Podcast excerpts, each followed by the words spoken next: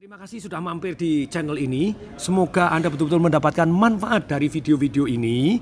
Ingat, subscribe. Sedemikian sehingga Anda bisa mendapatkan update rutin dari video-video saya. Dan tekan tombol notification, yaitu tombol lonceng. Sehingga Anda menjadi orang yang pertama yang mendapatkan video-video tips saya. Dan bila video ini betul-betul membawa manfaat, silahkan share kepada teman-teman Anda yang sekiranya membutuhkan. Subscribe gratis, tis, tis, tis. Semoga bermanfaat. Saya Tung Desemwaringin mengucapkan salam dahsyat. Bagaimana kita mulai ternak duit di dalam properti step by step.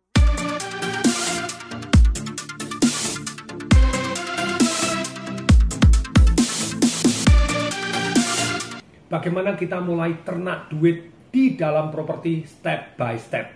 Kalau kita masih kerja ataupun kita punya income yang belum banyak untuk bisa beli satu properti, kita mulai dengan cara bagaimana? Tentu saja begitu terima uang kita sisihkan, terima uang kita sisihkan, terima uang kita sisihkan. Dan kita mulai dari yang kita bisa. Jadi bukan terima uang nanti nunggu banyak dulu, yes. Tapi kita mulai dari kita bisa. Terima uang, sisihkan dulu, sisihkan, digulungkan terlebih dahulu. Investasi leher ke atas tentang properti. Karena kita bisa investasi di properti tanpa harus punya uang sama sekali. Yang akan saya share di tempat berikut nanti. Jadi ada subscribe sekarang juga. Nanti akan saya share di video-video saya berikutnya bagaimana memulai investasi properti tanpa duit sama sekali. Tapi sekarang kita akan bahas bagaimana step by stepnya. Setelah Anda investasi, Anda bisa mulai dengan satu yang namanya satu kamar kos lebih dahulu. Jadi Anda mulai satu kamar kos. Seperti satu hari ada satu ibu-ibu datang ke tempat saya ikut seminar, kemudian dia angkat tangan, Pak Tong saya boleh nggak memberikan testimoni? Boleh. Dia bilang, nama saya Susi, saya umurnya 65 tahun. Saya seumur hidup tidak pernah kerja sama sekali, tapi saya praktekkan apa yang diajarkan oleh Pak Tong.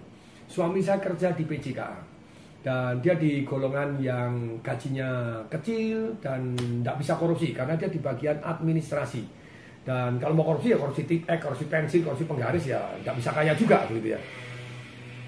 Kemudian juga suami saya bukan orang yang tipe mau korupsi, dia orang jujur, gajinya kecil di tempat yang tidak memungkinkan untuk korupsi. Yes. Gaji pada waktu tahun 70-an, 76, 78 itu 12 ribu.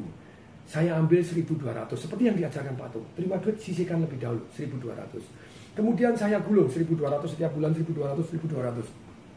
Dalam satu tahun saya bisa bangun satu kamar kos. Kemudian tahun berikutnya suami saya naik gaji 15 ribu.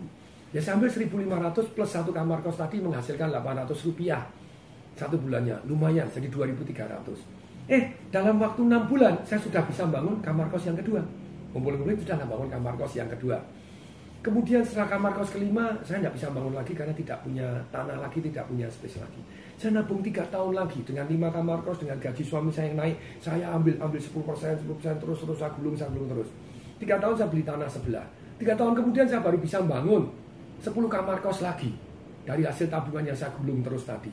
Dan akibatnya setelah 15 kamar kos, jadi 20 kamar kos dengan cepat. Setelah 20 kamar kos, apa yang saya lakukan? Saya baru ngambil pak dua dari hasil kamar kos saya gunakan untuk saya nikmatin. Kalau tadinya makannya cuma sayur bayam tempe ya sekarang ada telur, ada ayam. Yes. Tapi hari ini pak, ketika suami saya sudah pensiun, 11 tahun yang lalu suami saya pensiun. Nah, saya sudah punya 156 kamar kos, kos elit yang di mana ada kamar mandi dalam satunya sekitar 1 juta 200 sampai 1 juta 400. Nah, saya minimal minimal dapat 80 juta net net net.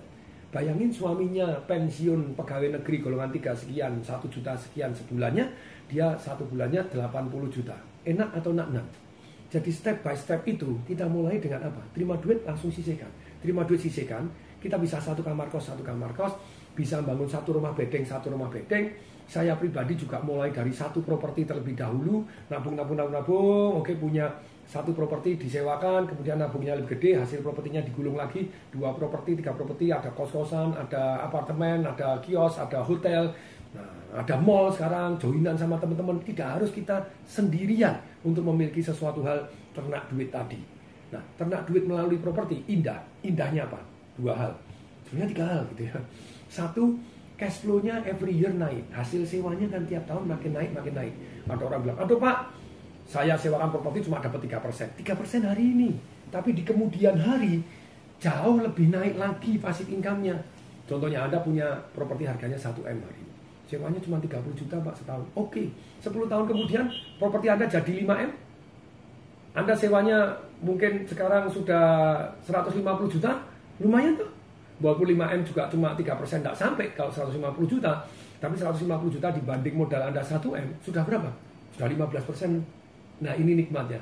Dan secara pajak itu final. Anda potong 10%, selesai. Anda sudah tidak kena pajak progresif. Keindahan pertama, cash flow-nya makin tahun makin naik secara umum. Yang kedua, capital gain. Apa? Harga properti Anda kan pertama kali beli 1M. Tapi setelah sekian tahun jadi 10M. Jadi Anda dapat invisible income. Tidur pun tambah kaya tanpa Anda tahu. Tapi sayangnya banyak orang propertinya cuma satu. Rumahnya dia doang. Kurang dong, tambahin lagi, tambahin, tambahin lagi. Ada peribahasa seperti ini. Kalau kakek Anda banyak properti, papa Anda kaya raya. Kalau papa Anda banyak properti, Anda kaya raya. Kalau Anda kepengen anak Anda kaya raya, salah satunya kita mulai dari kita, kita banyak properti. Mas akal? Ah, gitu ya. Nah, kemudian berikutnya, ini setelah Anda yang keuntungan pertama cash flow-nya naik, yang kedua capital gain tidur pun tambah kaya, invisible income, tahu-tahu kok di valuasi kekayaan kita meningkat dan setiap bulan terima duit, terima duit, terima duit, nak nan. Yang ketiga, harga dirinya naik. Bayangin kalau Anda punya properti banyak, oh ini propertinya tempat saya, tempat saya, harga diri Anda juga naik. Anda lebih dihormatin karena properti Anda banyak. Jadi mulailah dari hari ini, sekarang juga ambil duit, punya terima duit, Bapak sisihkan, sisihkan, mulai investasi, mulai dari satu kamar kos, mungkin satu kamar bedeng, atau mulai dari satu rumah kecil disewakan. Nah terus bagaimana bisa menyewakan? Nanti ya, tunggu ya, dari video-video saya setelah ini saya akan share Bagaimana menyewakan properti dengan kemungkinan berhasil 98%. Nah, itu kan bagus. Bagaimana punya investasi properti bahkan tanpa nabung sama sekali, tidak punya duit, langsung bisa juga bisa punya properti. Nah, semoga bermanfaat. Ikutin saya, subscribe di sini, ikutin video-video saya setelah ini. Semoga bermanfaat. Saya Tom Desember ingin mengucapkan salam dahsyat.